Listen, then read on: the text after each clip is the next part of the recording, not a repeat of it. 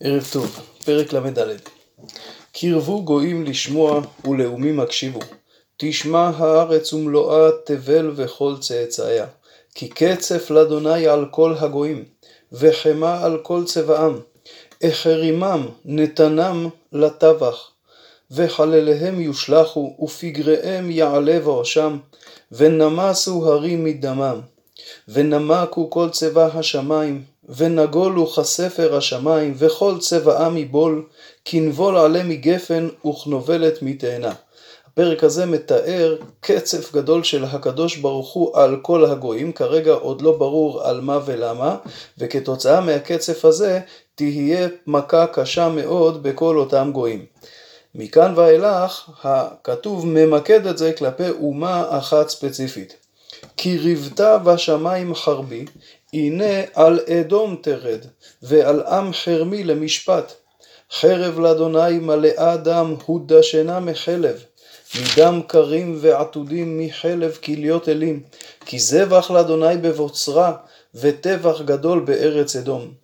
וירדו ראמים עמם, ופרים עם אבירים, וריבתה ארצה מדם ועפרה מחלב ידושן. כלומר, הטבח הגדול, החרב תרד במיוחד על אדום, ותפגע בכל חשוביה, בכל אביריה, הקרים והעתודים, הראמים והפרים, אלה כינויים לכל הגדולים של אדום. כי יום נקם לאדוני, שנת שילומים לריב ציון. הפסוק הזה מתאר את הסיבה. מדוע זוהי נקמה? על מה? על ריב ציון, על הפגיעה שלהם בציון, בירושלים, בעם ישראל. ונהפכו נחליה לזפת, ועפרה לגופרית, והייתה ארצה לזפת בוערה.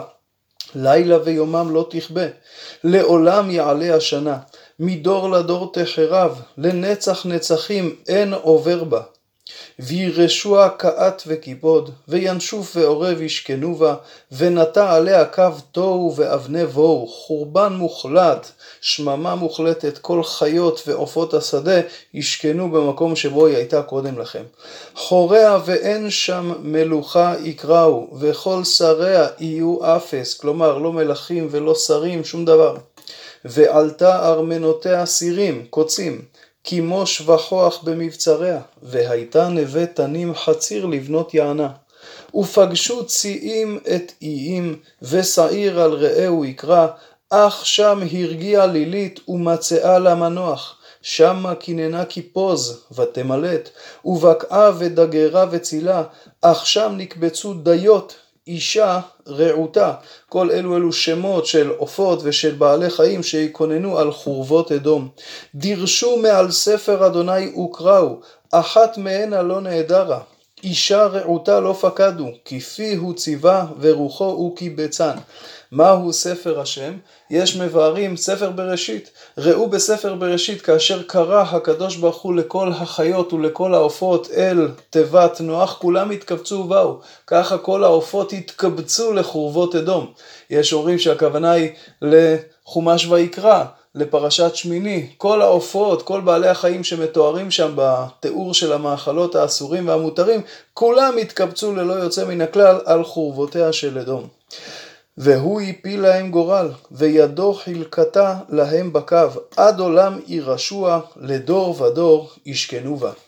ניתן להבחין מיד בהבדל שבין הנבואה הזו לנבואות התוכחה על עם ישראל. ראינו שלאורך כל הדרך כאשר ישעיהו מנבא נבואת תוכחה על עם ישראל, תמיד תמיד תמיד יש את תקומת השארית. יש את השארית שתצמח ותגדל ותפרח מחדש. פה החורבן מוחלט. הפרק הזה הוא פרק מאוד צבעוני, כלומר מתאר בצורה מאוד מאוד חיה עם המון המון דימויים את המכה הכל כך קשה שתנחת על אדום. ישעיהו אפילו יקדיש פרק נוסף, פרק ס"ג, למכה הזאת שתיפול על אדום. וזה כמובן מעורר את השאלה על מה ולמה. למתי נאמרה נבואה זו? ונוסיף ונדגיש שבתחילת הפרק הנבואה התייחסה לכל הגויים ולאט לאט הלכה והתמקדה על אדום. כל הפרשנים כולם, למעט אחד, רבי משה הכהן שמוזכר באבן עזרא, הבינו שהפרק הזה לא מדבר לתקופת ישעיהו, אלא זוהי נבואה עתידית. יש שביארו שהכוונה היא לימי שיבת ציון בבית שני. כאשר עם ישראל, כאשר בבל החריבה את ירושלים והגלתה את יהודה לבבל, האדומים, השכנים, המשפחה שלנו, בני עשיו, הקרובים שלנו, שעמדו מן הצד ושמחו בחורבן ישראל, ניצלו את ההזדמנות כדי להשתלט על ארץ ישראל. ואם כן, פונה הנביא ישעיהו אל שבי ציון, ואומר להם אל תדאגו, אל תחששו, ביחד עם מפלת בבל שהוא ניבא עליה קודם לכן, ביחד עם נפילת בבל, והפרק אמרנו פתח גם בכלל האומות שהראו לישראל, ספציפית אדום שביקשה להשתלט פה על ארץ ישראל, תדעו שגם היא אכן תחרב, אתם לא צריכים לחשוש ממנה, וממילא תוכלו אתם לבנות מחדש את ממלכת יהודה, כפי שיתואר בפרק ל"ה, בפרק הבא, שמהווה את החלק השני של הנבואה, את צמיחתה וגאולתה של ישראל.